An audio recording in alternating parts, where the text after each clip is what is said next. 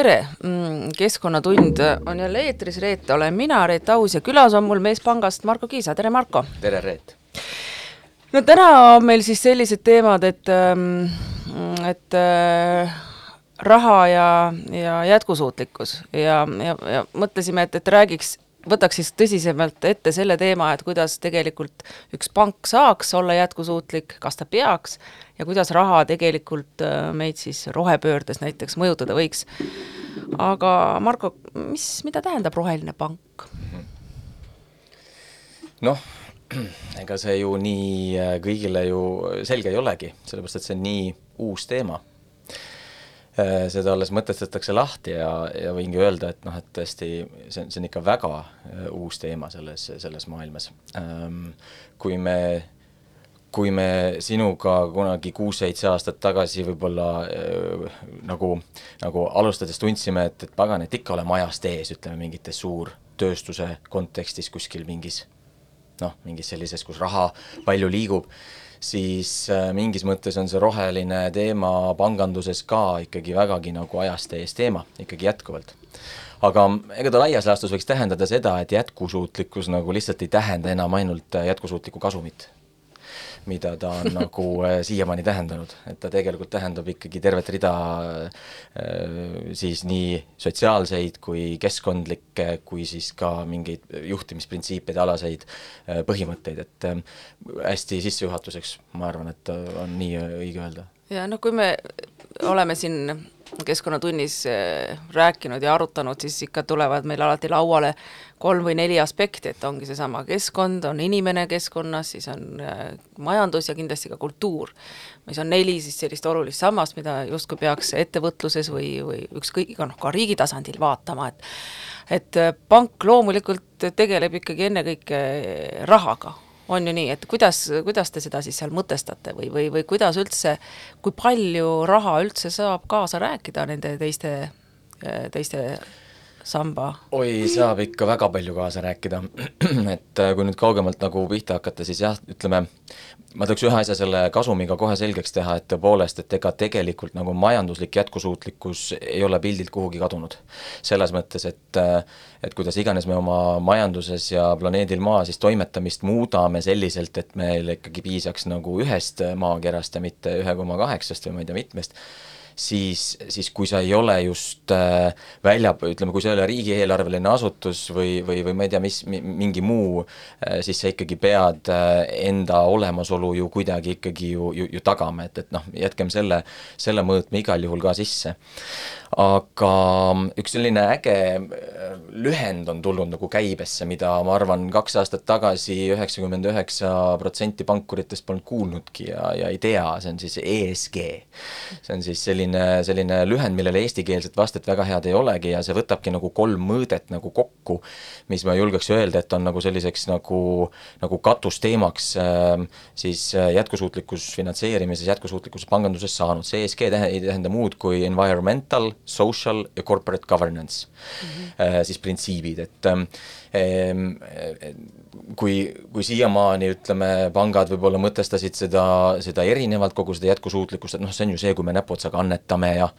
et võib-olla, et siin koduküla äh, memmed saaksid soojas äh, siis külaseltsi toas ikkagi käia koos, see on endiselt jätkusuutlikkus, see on endiselt selle osa, aga see ei ole enam kaugeltki piisav. See mm., seda ei saa enam ega tohi sellele taandada ja need kolm äh, põhimõtet selle jätkusuutliku finantseerimise, ma arvan, et sellest on saanud nagu uus selline sisu äh, sellele jätkusuutlikule finantseerimisele, ma julgen öelda, et et üldse nende mõistetega on natukene keeruline, et noh, et, et mine küsi finantsmaailmas, et mida tähendab sustainability kellegi jaoks, eks ole. noh, sa saad kümnelt inimeselt üksteist vastust, on ju, et, et seda, seda on võimalik hästi erinevalt nagu lahti mõtestada ja eriti veel finantseerimise valdkonnas. aga kuidas, küsisid veel, et kas raha või kuidas raha mõjutada saab, no ikka, ikka vägagi. Et mis on nagu huvitav, et ähm, noh, kui me räägime nagu laiemalt nagu pangandusest, et äh, üldse mitte nagu keskendudes ainult ühele valdkondale, näiteks mitte ainult investeerimisele, aga mitte ka ainult finantseerimisele, mis on siis laenude andmine, noh, investeerimine võiks siis olla pensionifondid, võiks siis olla selline aktsiaturgudel ja, ja üldse siis kapitali ka-, kapitali kaasamine ja kasvatamine ja, ja kolmanda valdkonnana võiks sinna nagu juurde mahtuda kuidagi selline nagu, nagu, nagu, nagu käibepangandus või, või, või jaepangandus, et, et noh, kõik see, et, et millise kaardiga ma kus ja kuidas maksta saan ja, ja ja kas mul sularaha seinast tuleb või ei tule, et, et see võiks siis nagu kolmanda valdkonnana olla, olla see, et, et kõik need valdkonnad on puudutatud, need ei olegi äh, ja, ja, ja, ja seesama ESG tegelikult katab täiesti selgelt äh, kõiki neid valdkondi ja ühtegi neist tegelikult ei, ei, ei saa ega tohigi äh, kõrvale jätta. ja mõjutab ta selliselt, et tegelikult ähm, või mis siis nagu viimasel ajal äh, juhtunud on viimaste aastatega ja miks ka Eestis tegutsevatel finantseerijatel noh, on, on, oleks jabur seda eirata või nii-öelda mitte, mitte selle peale ka mõelda, on siis see, et tegelikult on kapital äh, tõepoolest võtnud jalad alla ja hakanud äh, tohutult voolama jätkusuutlikesse tegevustesse, et kui me nagu hästi kuskilt laialt siis hakkame nagu pihta. aga mis selle muutuse toonud on mm.? räägitud selle vajalikkusest on ju isegi aastakümneid, et kas sa näed, et mis see põhjus on, miks ta nüüd tõesti siis järsku on? ma arvan, et äh, see on minu puhtalt personaalne tõlgendus asjale, et äh, globaalselt tegutseva, tegutsevad nagu kapitaliga kokku puutuvad äh, intelligentsed inimesed,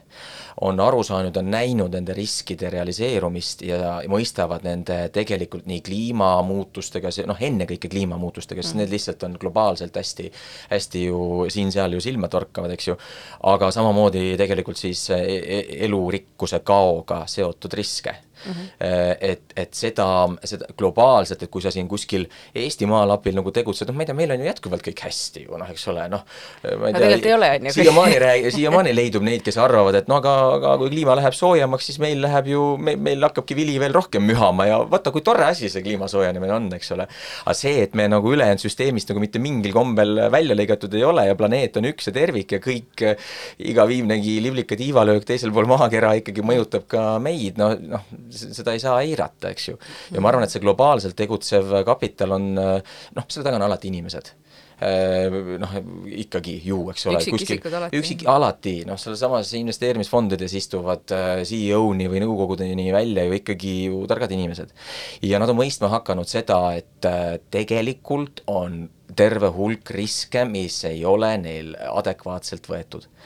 noh, ma ei tea, see ei pea tähendama ainult seda, et kas ma äkki olen investeerinud äh, äh USA-s äh, piirkondadesse, mis juba kümne või viieteist aasta pärast ennustatakse, et on äh, vee all tõusva mm -hmm. veetaseme tõttu. see on hästi otsene näide, eks mm -hmm. ole. aga need näited on äh, tihti palju keerukamad ja palju-palju peidetumad, et mm -hmm. et kui sul,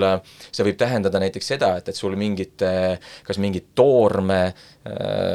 või või, või, või, või mingid sinu, äh, sinu investeeringutega toetatud äride tarneahelad kukuvad kokku. Sellepärast, et kuskil on äh, viiendat aastat põud, rahvarahutused, riik kukub, valitsus kukub, eks ole, noh, otseselt me oleme juba näinud, ma ei tea, alates Araabia kevadest, millel olid omad klimaatilised äh, taustad ja nii edasi,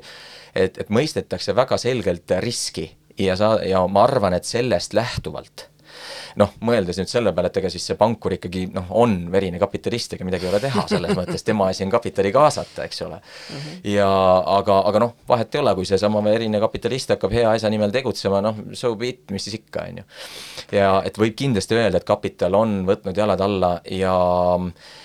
no ma ei tea, mõned numbrid sulle ka, et, et meenub selline asi, mida, mida siin pensionifondidega seoses on ka toodud näitena, et, et kui ütleme, kui me võtame Euroopa jätkusuutlikud fondid, mis on siis noh, kas siis eetilised ja või jätkusuutlikud rohepöördele, uutele eh, tehnoloogiatele suunatud, ühesõnaga nagu jätkusuutlikud fondid mm, -hmm. et kui kaks tuhat kaheksateist äh, voolas sinna rahas mõõdetuna seal äh, suurusjärk mingisugune umbes viiskümmend miljardit eurot, siis kaks tuhat üheksateist oli see juba sada kakskümmend pluss miljardit eurot mm. -hmm. ja nüüd eelmise aasta kuskil augustis-septembris sai juba ületatud äh, see kahe tuhande üheksateistkümnenda aasta tase, et, et mis see lõpuks kaks tuhat kakskümmend oli, ma, mul nii värskeid andmeid ei ole, aga kindlasti on see hästi -hmm. suur, et ja, ja sama asi toimub USA-s, sama asi, noh, mis on siis nagu hästi suured kapitaliturud, mis näitab lihtsalt, et kust otsib kapital äh, sellist nagu järgmise viie, kümne, viieteist, ma ei tea, pluss aasta nagu tootlikkust, nii et ma arvan, need riskid ja, ja, ja need ei ole sugugi nagu põhjendamata hirmud, need ei ole. muidugi mitte, sest me oleme seda ju tegelikult näinud ajaliselt küll ja küll mõtlesin samal ajal, kui sa rääkisid ka sellise nagu poliitilise hoova peale, et noh, kui me räägime sellest samast roheleppest, mis siin välja tuli ja mis tegelikult ju paneb need järgmiste aastate prioriteedid nagu nii selgelt paika. mis on väga hea. mis on jah, tundub suurepärane, on ju, ja, ja, ja tõenäoliselt ka ilmselgelt on see üks põhjus, miks, miks ka meie valitsus tegi ju väga selge avalduse, öeldes, et investeeringud meie põlevkivisse tuleks lõpetada, et et kui me räägime meie siin kliimaeesmärkidest aastaks kakskümmend viiskümmend ja vaatame, kus me oleme praegu, noh, siis loomulikult Eesti kõige suurem väljakutse on energeetika, et et kuidas sa näed energeetika valdkonnas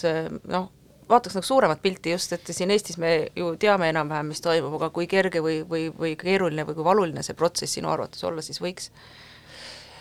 Äh, ma ei teagi, kui lihtsamast alustada, Eesti kontekstist alustada, siis ma arvan, et, äh, et see tegelikult on, oleks, oleks lihtsam, äh, kui, kui võib-olla paljudele tundub ütleme jah, see on hästi investeeringute mahukas valdkond nii põlevkivist väljatõmbumine kui, kui, kui siis ma ei tea, meretuuleparkide arendamine, noh päikesejaamad aga Eesti kontekstis on ta, on ta ju täiesti tehtav.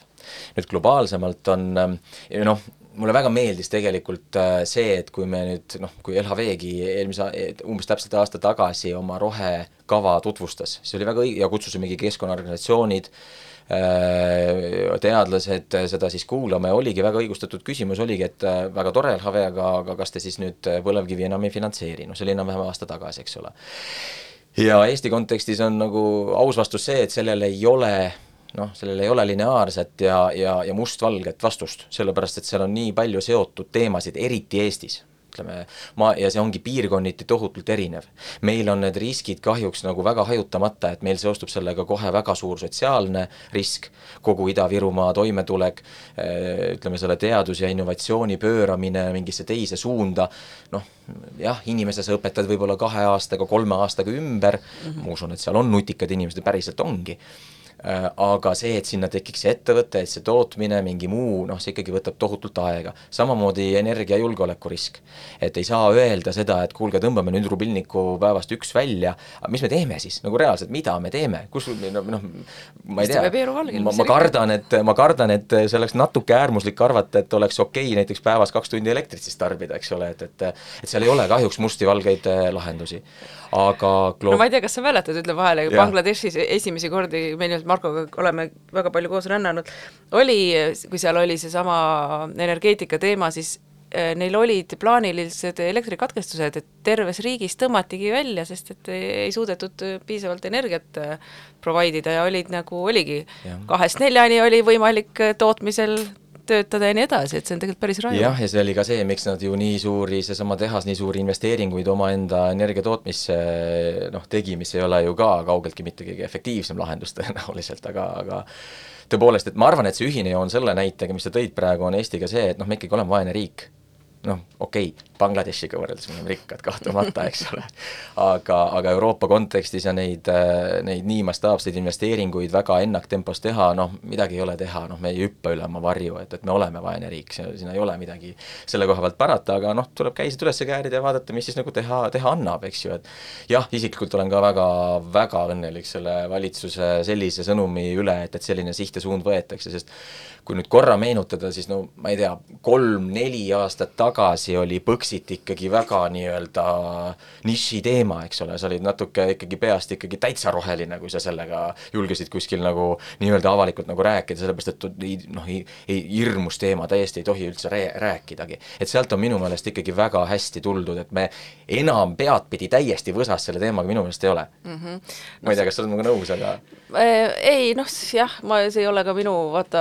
selline nagu mm, minu teadmine ei, ei tegelikult ei ole ka täiesti seal, aga noh, ma mõtlen, ma mäletan mingi, see võis viis-kuus-seitse aastat tagasi, kui Rootsi väga selgelt ütles, et nemad lõpetavad investeeringud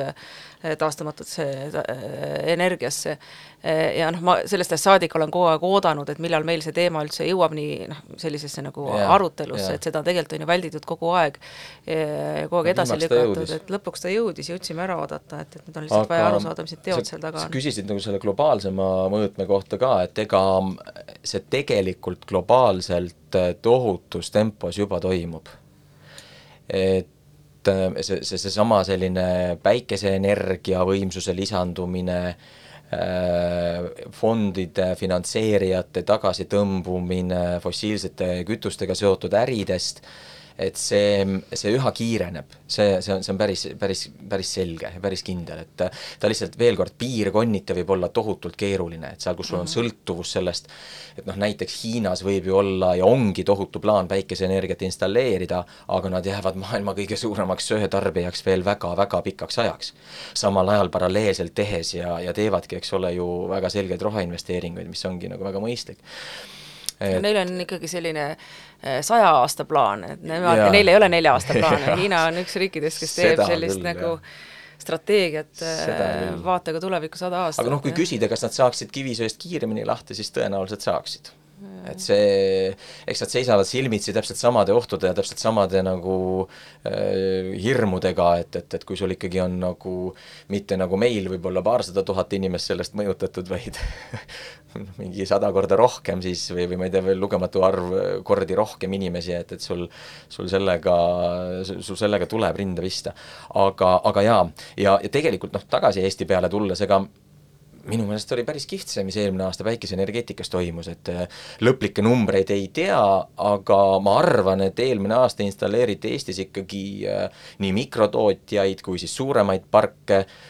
see nüüd oletus, sest ma ei tea lõplikke numbreid, aga ikkagi suurusjärk umbes sama palju, kui oli siiamaani üldse kokku äh, installeeritud Eestis mm, -hmm. nii et, et see oli ikkagi selline tõeline päikeseenergia buum, et, et Äh, raha oli, inimestel huvi, ette, inimestel, ettevõtetel huvi oli, kõike oli ja kattus see juhuslikult ka sellega, et valitsus oli otsustanud seda siis noh, ka toetada, see oli seesama kaheteistaastane siis taastuvenergia toetus, nii et ega need asjad tegelikult toimuvad, ma arvan, siis, kui äh, kui need huvid, kui, kui mõistetakse nende huvide kattuvust, et no ütleme, inimesed slaš ettevõtted, noh ettevõtete taga on ka inimesed,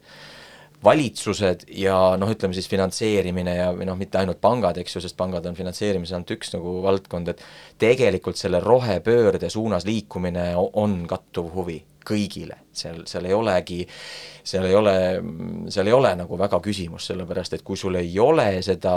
äri sellisel kujul, kui sul ei ole seda planeeti sellisel kujul, kui sul ei ole neid toetavaid ökosüsteeme sellisel kujul, noh siis sul ei ole ka kolmekümne aasta pärast seda pensionifondi, mis sulle selle pensioni peaks välja maksma, sellepärast et pensionifond on investeerinud ettevõtetesse, keda samamoodi ju ei ole sellisel kujul enam olemas, nii et seda, seda tegelikult äh,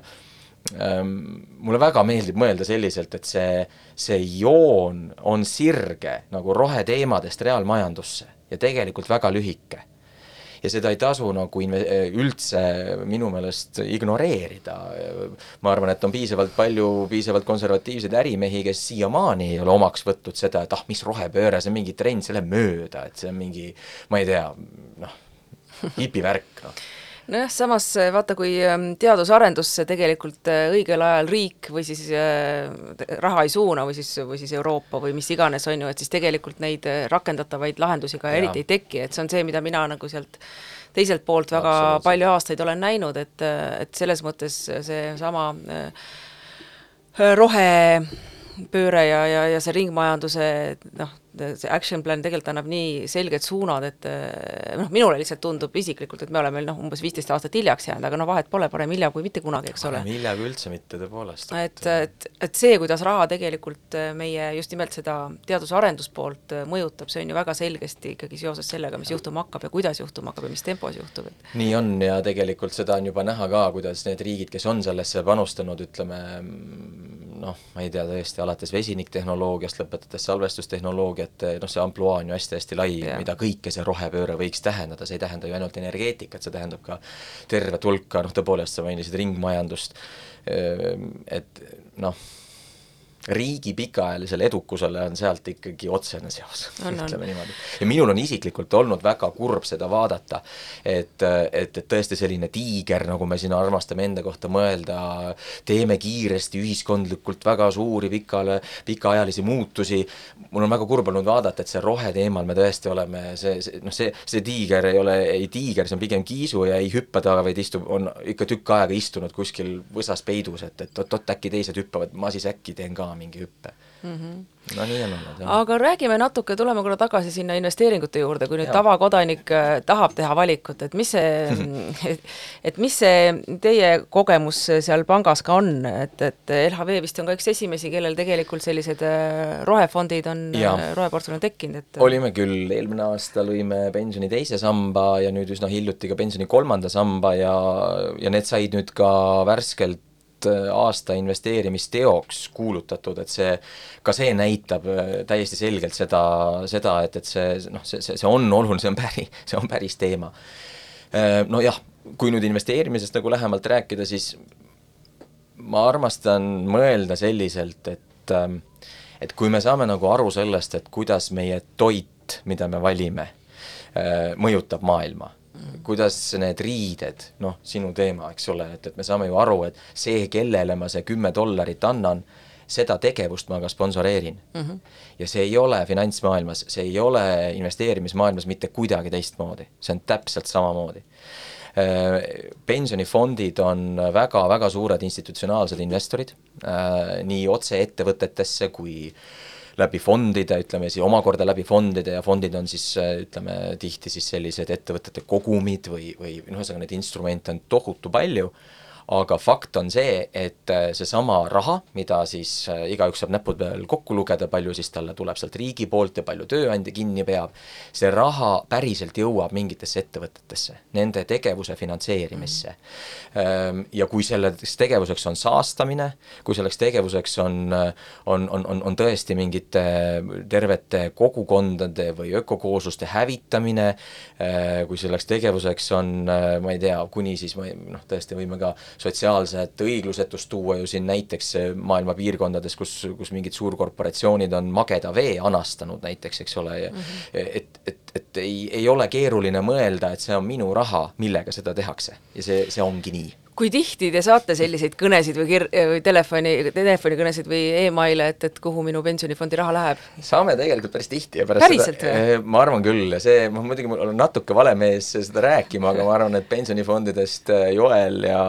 ja teised võivad seda nagu eh, lähemalt kommenteerida, aga, aga ma arvan, et see huvi ja selline otsene küsimine on, on, on kindlasti kasvanud. eriti pärast seda, kui me tulime oma rohelise tegevuskavaga välja. et mis on tore, mis on äärmiselt tore, sellepärast et täpselt samamoodi nagu toidus, riietes, kõiges muus, tarbija, tarbija, noh, tarbija valik, tarbija käitumine, see tõesti loeb mm. aga mille järgi te siis valite, kuhu see raha paigutada? Äh, kasvama panna? jaa, see on, see on nüüd selline päris lai ja pikk äh, teema, et, et kuidas on selle portfelli riskisus Äh, nii-öelda hinnatud, äh, mille läbi siis hoitakse raha, kui palju hoitakse raha aktsiates, kui palju sularahas, kui palju läbi mingite turvalisemate fondide ja nii edasi, et noh, laias laastus ikkagi võib öelda seda, et, et et need rohelised fondid investeerivad ikkagi siis nendesse ettevõtetesse, kellel, kelle, kelle tegevus on tõestatult äh, jätkusuutlik,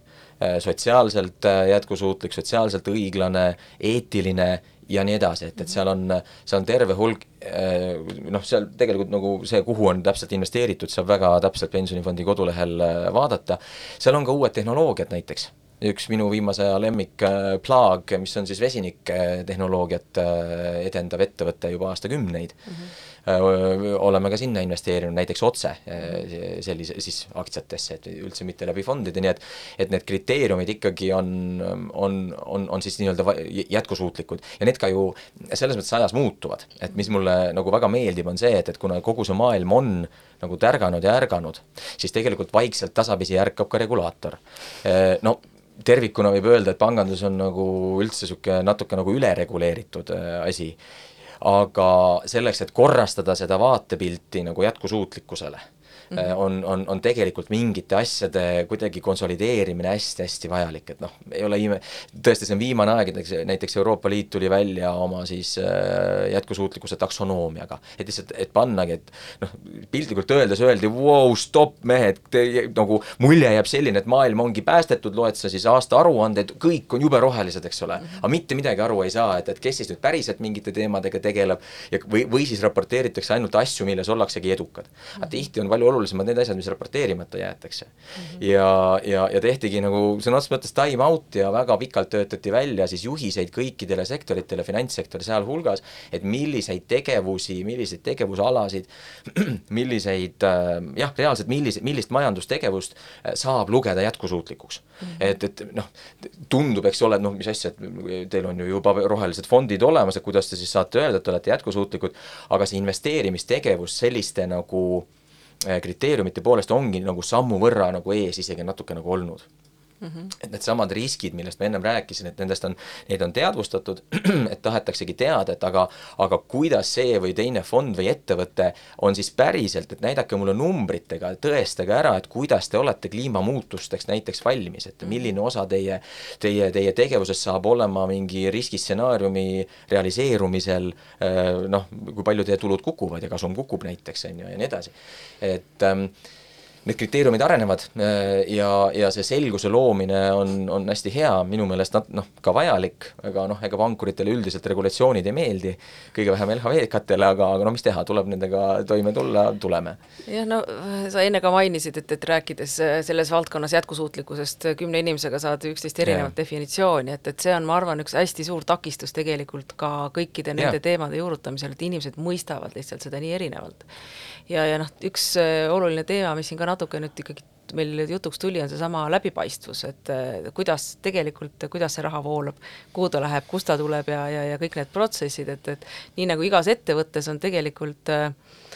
noh, mingites tootmisettevõteteski see põhiprobleem, mille tõi näiteks seesama koroonakriis välja ju, ongi see, et, et ei olnud läbipaistvust tegelikult noh, oligi, tarneahelad kukkusid kokku ja oli täielik paanika ja segadus, et et seesama jätkusuutlikkuse üks põhiprintsiipe, et su kogu su tegevus on su, vähemalt sulle endale sada protsenti läbipaistev ja sa tead, kuidas asjad toimivad, sest ainult nii saad sa ka mingeid muutusi teha et kuidas see, seda, seda nii. läbipaistvust panganduses tegelikult ähm, hästi, õudselt hästi katab seda seesama ESG-st see kõige segasemana tunduv corporate governance nagu printsiip, et see on nagu keeruline mõiste, mida ongi nagu eesti keelde noh, praktiliselt võimatu otse tõlkida, aga ta, ta tegelikult laias laastus tähendab tähendab äh, läbipaistvust, juhtimise usaldusväärsust, äh, mitmekesisust. et, ähm, et äh, see tähendab kõike seda, et, et kui et kas sul on mingid juhtimisprintsiibid, riskijuhtimismeetmed näiteks avalikustatud, reaalselt avalikud. ja me ei räägi lihtsalt suvalisest pangast, me räägime nagu üldse ettevõtetest, eks ole, see on, see on, see on täiesti uus asi eks ole, et, et kui me oleme harjunud sellega, et börsiettevõte oma bilanssi kasumiaruannete nipet-näpet veel peab avalikustama, siis tulla nüüd oma mingeid sise, kuidagi mingeid sisekordasid, oma sisemisi reegleid, näiteks riskijuhtimisele, riski maandamisele äh, avalikustama, need on täiesti uued sammud äh,. samamoodi see sinu juhtimisinfo reaalne kvaliteet et kui palju, ähm, et kui sa ei ole börsiettevõte, mis võib täiesti vabalt ju olla, eks ole, aga ESG põhiselt sind ikkagi tahetakse näiteks hinnata või mingi vajadus on sind hinnata et kui adekvaatselt sa päriselt annad seda infot siis oma ettevõtte kohta. Äh, mitmekesisus sealhulgas äh, meenub äh, mis see pank oli, Goldman Sachs minu meelest oli see pank, kes ütles, ütles selliselt, et nemad ühtegi, jah, oli jah, Goldman Sachs, nemad ühtegi IPO-t, mis on siis aktsiate väljalase või siis ütleme, emissioon kapitali kaasamiseks, ei korralda ühegi ettevõttega, kelle juhatuses ei ole äh, piisavalt palju äh, vähemuste esindajaid, tähendagu see siis selle ettevõtte kontekstis noh, ma ei tea, naisi, minu poolest mustanahalisi, vahet ei ole keda, või, või ka valgenahalisi mm., poolest näiteks, eks ole, vastavalt, kus siis on nagu et täpselt seda see corporate governance tähendabki ja täpselt seda läbipaistvust ja mitmekesisust see, see, see, see tegelikult nagu genereerib ja seda hakatakse ja on hakatud kõikvõimalike hinnangute ja indeksitega väga selgelt mõõtma mm. -hmm. see võib tunduda hästi teoreetiline jutt, aga, aga ettevõtte tasandil äh, on ta nagu äh, tõeliselt selline ikkagi äh, nagu päriselt ettevõetavad sammud, et, et, et sa pead olema valmis põhjendama, et ma ei tea, et sa kohtled oma väikeaktsionäre hästi et sa avalikustad infot viisil, mis on usaldusväärne ja nii edasi, nii edasi, nii edasi. et su juhtide ja nõukogu liikmeid on piisav hulk näiteks sõltumatuid liikmeid et sul noh, kõik, kõik, kõike, kõike seda, et, et see, see nagu sellises korporatiivses maailmas on ikka vägagi läbipaistvusele suund. väga lahe, teeme ühe väikse muusikapausi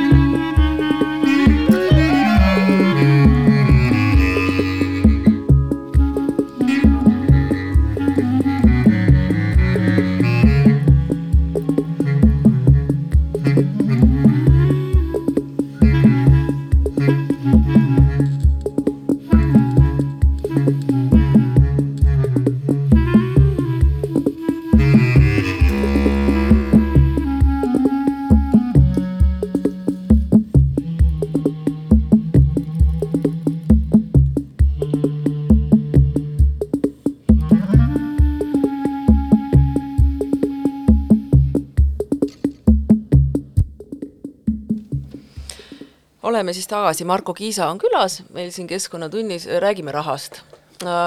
Üks teema, mis, mida tegelikult tänasel päeval peaksime ka käsitlema, on see, et kuidas Covid on mõjutanud äh, rahandussektorit. jaa, noh loomulikult ju on, aga kui me jah, sellesse nagu jätkusuutlikkuse konteksti jääme, siis ähm, siis, siis, siis, siis võib seda natuke nagu kitsamalt vaadata, eks ole, et ähm, selle mina leian, et et see on olnud üks selliseid, noh, ei ole juhus, et näiteks Euroopa Liit just nimelt selle Covidi tuules äh, on ju rääkima hakanud seda, et taastumine peab olema roheline mm. -hmm. ja et, et, et selliselt noh, ei saagi edasi. et, et need teemad on üks-ühele omavahel seotud, et tavainimesel võib nagu tunduda, et huvitav, kuidas need seotud on, et noh, et, et elame selle viiruse üle ja laseme samamoodi edasi oma tarbimisbuumiga, on ju. aga tegelikult ma arvan, et seesama Covid ja see, selle, selle tegelikud tekkepõhjused on, on, on, nendest on aru saadud, et kuidas see päriselt majand-, reaalmajandust mõjutab kuni selle noh, peaaegu sulgumiseni välja.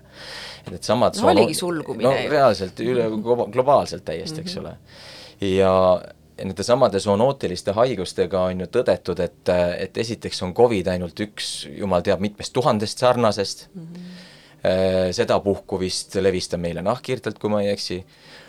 või ma ei tea, on see siis tõestatud või mitte, aga, aga, aga no, nii nad, nii nad väidavad. nii nad väidavad, eks ole. et needsamad zoonootilised haigused, millega koos me oleme ju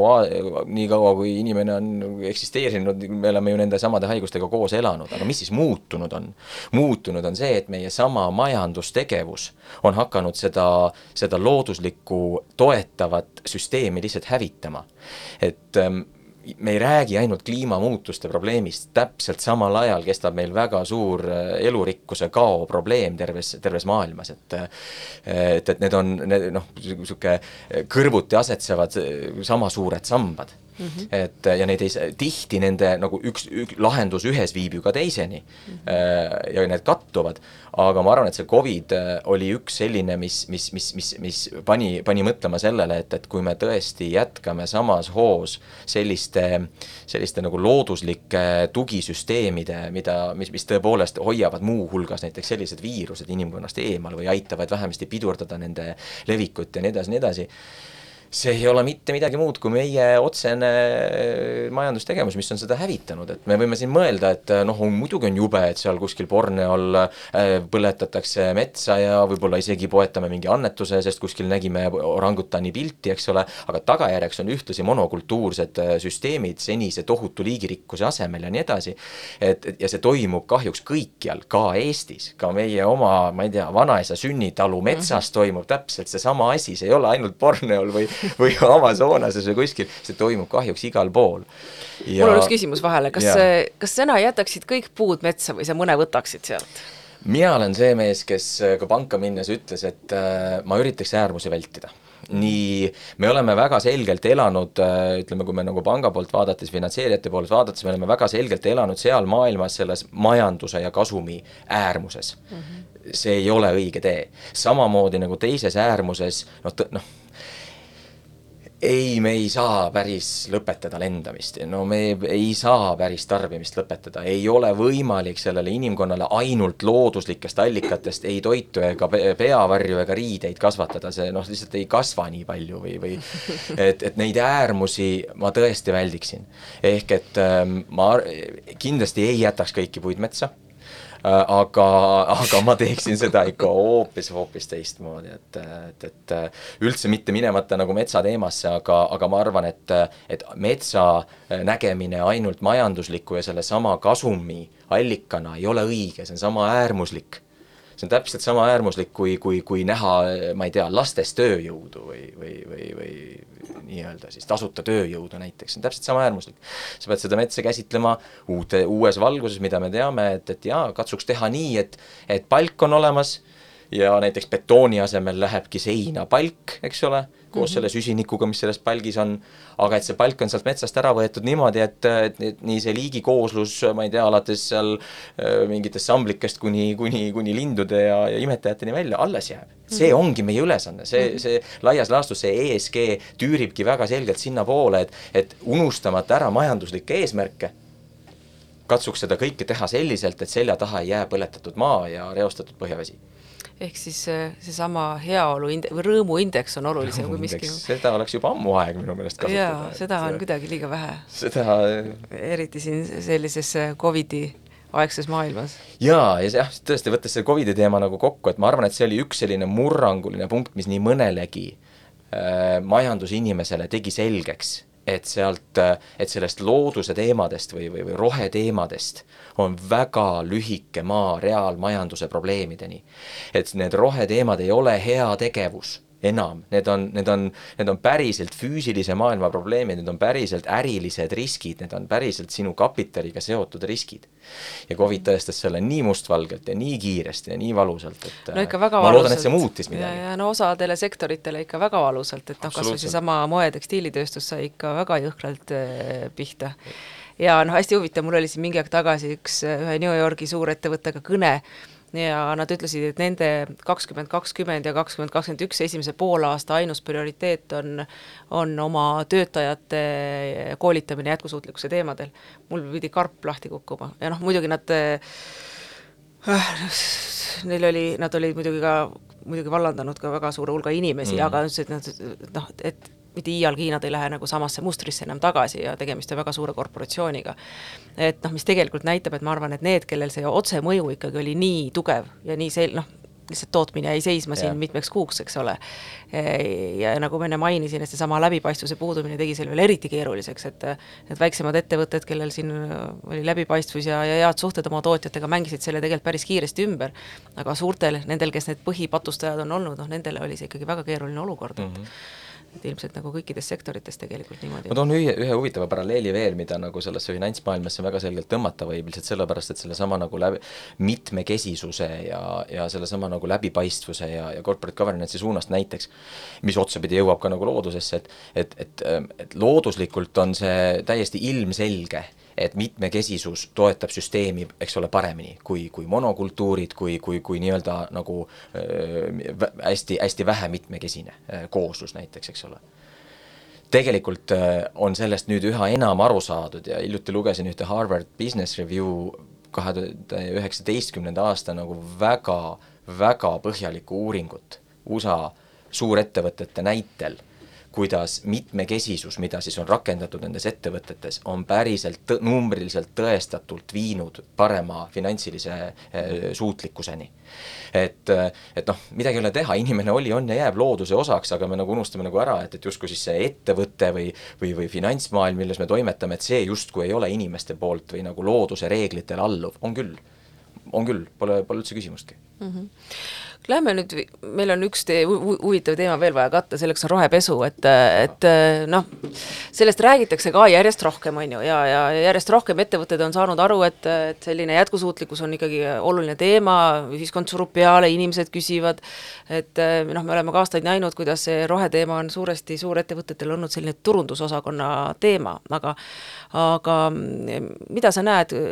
kuidas see, selle osakaal on siis rahanduses ja, ja panganduses, et mis, mis, mis seal need, mis osakond sellega tegeleb? selle koha pealt ei erine finantssektor kahjuks nagu muust maailmast, ma arvan, üldse.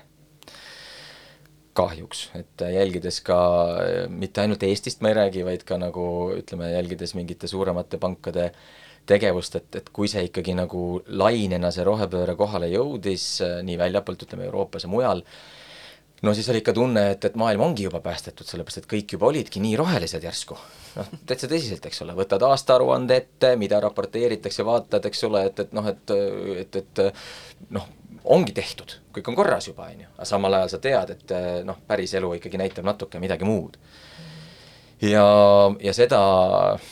no seda ikka leiab päris palju ja see on hea printsiip, mis sa ütlesid, et äh, kui kedagi nagu huvitab, et äh, et kas ettevõte nagu tegeleb rohepesuga või mitte, siis tasubki nagu tõepoolest välja uurida, et mis osakond ettevõttes sellega tegeleb, et kas see on, kas see on ainult kommunikatsiooniosakond või seal on päriselt taga mingid, äh, mingid ütleme noh, ma ei tea siis ESG valdkonna juhid või, või, või, või mingid nii-öelda jätkusuutlikkuse nagu päriselt mingid, mingid tegelased, kes ongi sellele nagu pühendunud mm. -hmm. see on tohutu vahe, see on tohutu vahe, ühe asi on rääkida ainult sellest, milles juba ollakse edukad, noh, kas juhuse tahtel või teinekord ka teadlikult, ega siis mm. mingeid samme on ju, on ju ka, ka pangad teinud juba ju noh, ammu enne seda nii-öelda suurt rohepööret ja suurt rohelainet,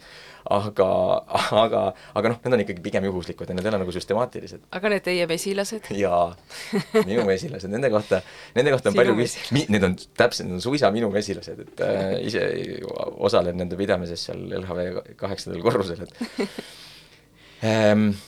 me teadsime ja ma teadsin algusest saati, kui ohtlik on või kui libe see teema nagu selle koha pealt on. -hmm. ja ma ütlen ausalt, äh, ma ei oleks seda teinud, kui meie tegevus olekski ainult sellega päädinud, sest siis ta võrdunukski rohepesuga eks ole, et, et sa, sa, sa justkui näiliselt teed ja see ongi positiivne samm, ega siis loomulikult, eks ole. aga ma arvan, et nagu rohepesuks võib kindlasti tituleerida seda, et kui sa räägid mingi asja väga suureks, milles, mille mõju tegelikult võrreldes sinu tegeliku põhitegevuse mõjuga on kaduvväike mm -hmm.. noh, täiesti selge see, et seitse taru linnamesilasi, kes siis võib-olla näpuotsaga aitavad kaasa elurikkuse säilimisele Tallinna linnas mm, -hmm. olles olulised tolmendajad ja, ja nii edasi et, et nende seitsme tarutäie mesilaste mõju, positiivne mõju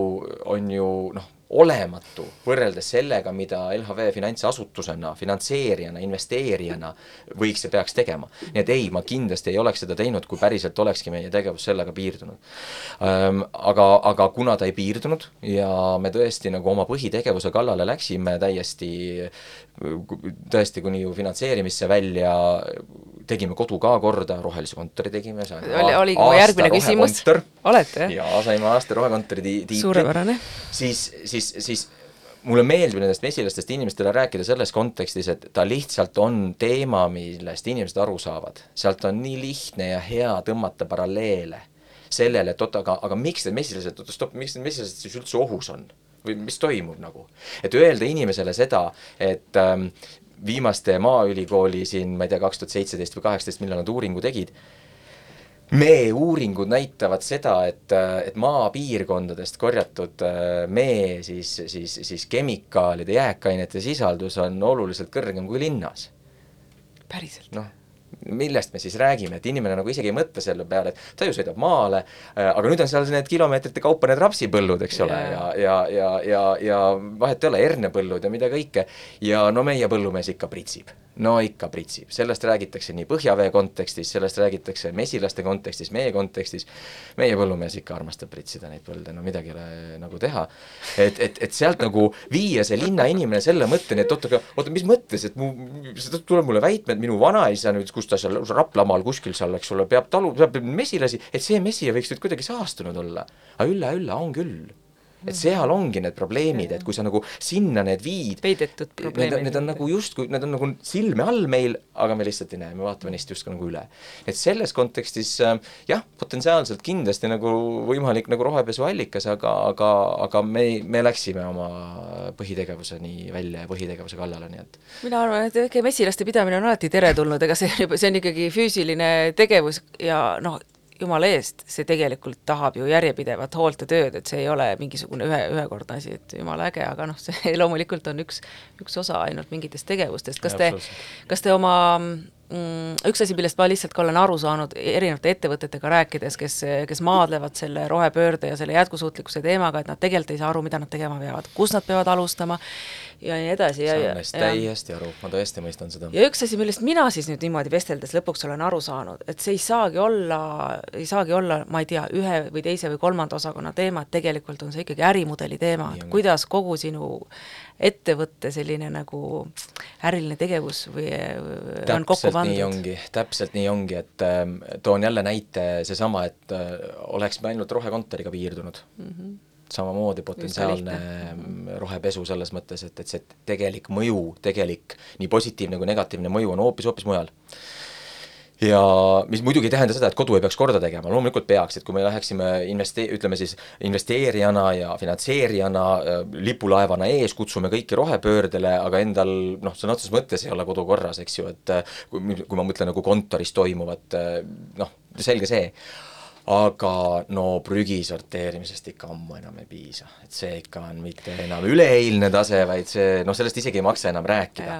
aga see on, see on see on see, kus me praegu oleme, jäätmekäitlus nagu ja, ja ringmajandus on jäätmimise ja hakkasime kontoris prügi sorteerima. ei no aga ja, ja ühiskonnas üldse natuke jah, see natuke ringmajandus võrdub jäätmekäitlusega. tõsi, tõsi, sellest on natuke kurb, aga ma väga tean, ma tean väga, väga intelligentseid ja energilisi mehi, kes selle kindlasti muudavad, selle arusaama nagu laiemaks ja, ja ma arvan, et aitame ise ka LHV ees sellele kaasa, et seda teemat nagu tutvustada.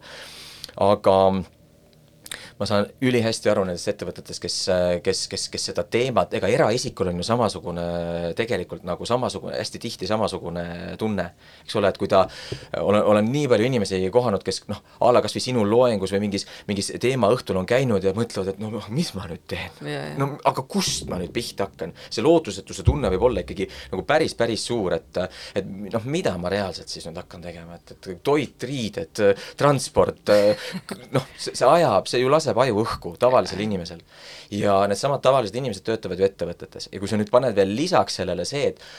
okei okay,, et kas see tähendab ainult mu enda põhitegevust või tähendab see mu tarnijaid ka, oota, aga selle käest ma ostan puitu näiteks endale sisendiks, on ju, selle käest ma ostan võib-olla mingit pakendit, mingit plastikut,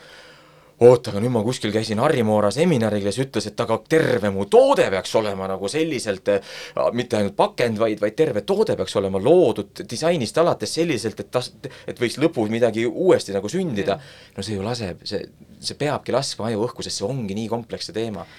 aga, aga lohutuseks ma võin öelda või LHV näide oli see, et jaa, me saime ka väga ruttu aru, et ongi kompleksne teema. aga, aga on väga, see on nagu see koht, et lihtsalt hakake pihta. Nojah, võta tükkideks lahti ja lihtsalt pihta, isegi kui need esimesed sammud on rohepesumaigulised, isegi kui need esimesed sammud on see kontoris äh, printimise lõpetamine ja, ja prügi sorteerimine, no las nad olla. aga, aga ei tasu nendega piirduda, et, et sealt see teadlikkus kasvab ikkagi pisitasa, töötajaid samamoodi tasub harida ja töötajaid tasub kuulata, sellepärast et noh, meie näide LHV-s samamoodi, ega siis see, et mina, et minusugune hipi sinna nagu panka tööle võeti, noh, väga tore, elu on lihtsalt andnud juhuslikult ka pangandusalased teadmised ja töökogemuse, väga tore. aga, aga, aga see, et LHV nagu selline nagu rohetegevuskava ja väga põhjalik tegevuskava sündis, see ei ole kaugeltki mitte ühe ega kahe inimese nagu töö mm. -hmm. jaa, olid eestvedajad, mina nende hulgas, täiesti selgelt, aga see valmisolek töötajate hulgas oli, oli tohutu, see oli juba, see, see, see oli valmis mm. -hmm. nagu ma sulle ka ütlesin, et ma võrdlen seda sellega, et, et see, see, see, kuluhein oli seal juba valmis kevadise märtsi päikese käes, mina olin see, kes läks ja tõmbas ühena, ühena mitmest, kes tõmbas tikku seal kuluheina mhm. ääres lihtsalt, eks ole. et töötajaid tasub kuulata, see initsiatiiv ja idee, kuidas näiteks ka ettevõtte enda tooteid ja teenuseid päris päriselt parendada, see võib väga tihti tulla nagu töötajate endi käest. ja meie samamoodi, me tegelikult pöörasime esimese asjana näo sissepoole ja küsisimegi töötajate käest, mida te peate oluliseks. kuni äh, nende ÜRO Sustainable Development Goals ideni välja või nende siis jät-, nii, ka see SDG-d on ka üks selline nagu paras kantseliit, eks ju, aga aga need on päris asjad, riigid ja, ja korporatsioonid joondavad oma ettevõtte, oma, oma, oma tegevusi selle järgi, sest see on nagu no rohe, rohelepe põhinebki tegelikult nendel samadel ÜRO absoluutselt, absoluutselt. Ja sealt allapoole ta nagu lähebki siis välja selleni, et kuidas sa oma põhitegevust siis mõõdad, andmetega varustad, et nagu aru saada, et kas sa mingis nagu äh, siis äh, eesmärgis liigud nagu õiges suunas või mitte. no ta annab ikkagi väga hea struktuuri tegelikult sulle annab, annab. ja, ja, ja ka mingisuguse ja selguse. üle sektorite, ta, ta on täpselt seesama läbipaistvusele suunatud, eks mm -hmm. ole, et, et sa ei saa lihtsalt niisama väita, et kuulge, ma nüüd olen maailma kõige rohelisem äh, mingisugune tootmisettevõte. okei okay,, väga tore, aga näita siis oma nelja olulisemat STG-d, mida sa siis näiteks täidad, on ju. et ja, ja millega sa seda toetad ja kuidas see tegevuskava ja kõik need tegevused selle sellega siis kooskõlas on, noh, ta annab üle sektorite nagu läbipaistvust. et ühesõnaga seda tuleb lihtsalt alustada Mm -hmm. ja ega ei olegi muud. Ja töötajad annavad need ideed väga-väga tihti, et väga tarku inimesi ja hoolivaid inimesi ju töötab Eestis, et ma arvan, et et ega siis see, et, et, et ka valitsus saab seda praegu selliselt rääkida, kui elanikkond ammu selleks valmis ei oleks, ega ma arvan, et ega poliitikud ei julgeks nagu piiksatadagi. aga ja, nad on ka aru teeb... saanud, et elanikkond tegelikult on valmis selleks, et see ongi see massijõud, on ju, ühel hetkel, kuule aga me tunnik hakkab varsti läbi saama, tahtsime veel rääkida tegelikult Äh, nii tavainimese seisukohast siis, et kuidas tegelikult äh, minu raha mm mõjutab seda, seda jätkusuutlikku maailma, et äh, täitsa nii üksik, üksik indiviidi tasandil, et, et millised need valikud võiksid olla või ma ei tea, kuni kas või selleni välja, et et mina siin otsustan, et ma sooviks ka hakata investeerima, et, et kuhu siis oleks mõistlik oma raha paigutada tänapäeval noh, selleks ju meie pensionireform annab ka väga head võimalused üsna varsti tegelikult, et, et, et ma arvan, et see investeerimisalane nagu teadlikkus kindlasti kasvab ja me vaiks-, vaikselt juba võimegi rääkida sellisest väikesest nagu mikroinvestorite nagu buumist tegelikult, mille, mille nimel on siin paljud, paljud ju väga pikalt nagu tööd teinud. mis summast üldse võiks alustada? ühest eurost ühest eurost, see ei ole nagu küsimuski, et äh, sest asi on selles, et selle ühe euroga kaasnevad potentsiaalselt tohutu ebaproportsionaalselt suuremad teadmised mida mhm. sa endale siis omandad ja ühel hetkel sa avastad, et ma julgen juba mängida saja euroga mm. -hmm. järgmisel hetkel sa vaatad, et aga, aga miks ma sinna juba tuhat ei pane, kui mul noh, näiteks -hmm. on, eks ole, et et ähm, eks see pension on esimene, mis nagu pähe kargab mulle selle ja, ja seda äh, noh, seesama näide, et, et, et see, kuidas su teksapüksid toodetud on, kas kedagi on orjastatud või, või mingid jõed siniseks värvitud sellepärast, sa päriselt ka toetad seda tegevust, sa sponsoreerid seda tegevust oma selle euroga. Ja noh, punkt, ei peagi laiendama nagu lähemalt. ja ei ole raske äh, ka pensionifondidega teha neid otsuseid vastavalt et äh, hetkel muidugi ajastus on super, sellepärast et rohelaine äh, taustal tegelikult rohelistel fondidel, rohelistel ettevõtetel läheb väga-väga hästi et, et ma arvan, et need, kes, need, kes aasta-kaks tagasi julgesid hakata võib-olla natuke julgemalt jätkusuutlikesse ettevõtetesse investeerima, need on täna ikka, näevad nagu pigem kolmekohalisi tootlusi kui mm, -hmm. kui et mhm. ühekohalisi tootlusi. nii et Äh, pensionifond, äh, me oleme õnneks sunnitud vist üha rohkem mõtlema kogu selle aplaava peale, mis siin pensioniformi, reformi ümber toimub, aga ma ei tea, vähemasti üks positiivne aspekt selles on see, et võib-olla nii mõnigi inimene päriselt mõtlebki, et oot, aga kuhu mu raha läheb siis mm. -hmm. äkki ma uurin välja, et, et aga kuhu minu pensionifond selle raha siis paigutab ja see raha jõuab konkreetsesse ettevõttesse, see raha ei ole lihtsalt kellegi, mingi osa on ju kontol ka ra, sularahas, aga, aga, aga see on, see investeeringuks teebki seda see, et see päriselt jõuab mingi ettevõtte kasvuplaanidesse, sellest finantseeritakse mingit uut tootmist. ja, ja kui selleks on palmiõli monokultuuri rajamine kuskil Borneo vihmametsa asemel, siis see on tehtud sinu raha eest. Mm, punkt noh, ja nii ongi. et seda ei ole väga raske tegelikult nagu välja selgitada, et kuhu minu pensioniraha investeeritakse. aga kas see info siis panga poolt tegelikult on ikka on..., kõik on, kõik on olemas, kõikide pensionifondide osas saad sa nagu väga selgelt vaadata, et millistesse fondidesse, millest need fondid või indeksid näiteks koosnevad, millistest ettevõtetest, et kuhu, kuhu sa oma, oma raha nagu suunad, vägagi on võimalik ja mul on niisugune tunne, et seda küsimust ikkagi küsivad väga vähesed enda käest. no järjest enamad, meie selle, need rohelised fondid, äh, kui ma ei eksi, siis noh, me ütleme, see, see pensionikogujate hulk nendesse fondidesse tuli täis umbes poole aastaga, mida me lootsime ikkagi oluliselt pikema ajaga saavutada. Nii et, et äh, ei, ei tasu alahinnata seda inimeste nagu teadlikkust sellest, et ja, ja ka selle, täpselt selle kapitali nagu teadlikkust ja ja noh, on ka keerulisemaid valikuid, võib ka otse üksikaktsiatesse investeerida, et, et teha endale mõni, mõni, mõni ettevõte selgeks, mina isiklikult olen selle teega praegu valinud näiteks äh, päikeseenergeetika aktsiaid, tuuleenergeetika aktsiaid ja samamoodi vesinikutehnoloogia aktsiaid leiab äh, ikkagi nii Euroopast kui noh, pigem USA-st väga ja vägagi atraktiivseid, et, et kuhu sinu viimane investeering läks? kõige viimasena ostsin juurde plaagi Plaag, Plaag Power on siis vesinikutehnoloogiat äh, edendav siis ettevõte, mis siis hetkel nagu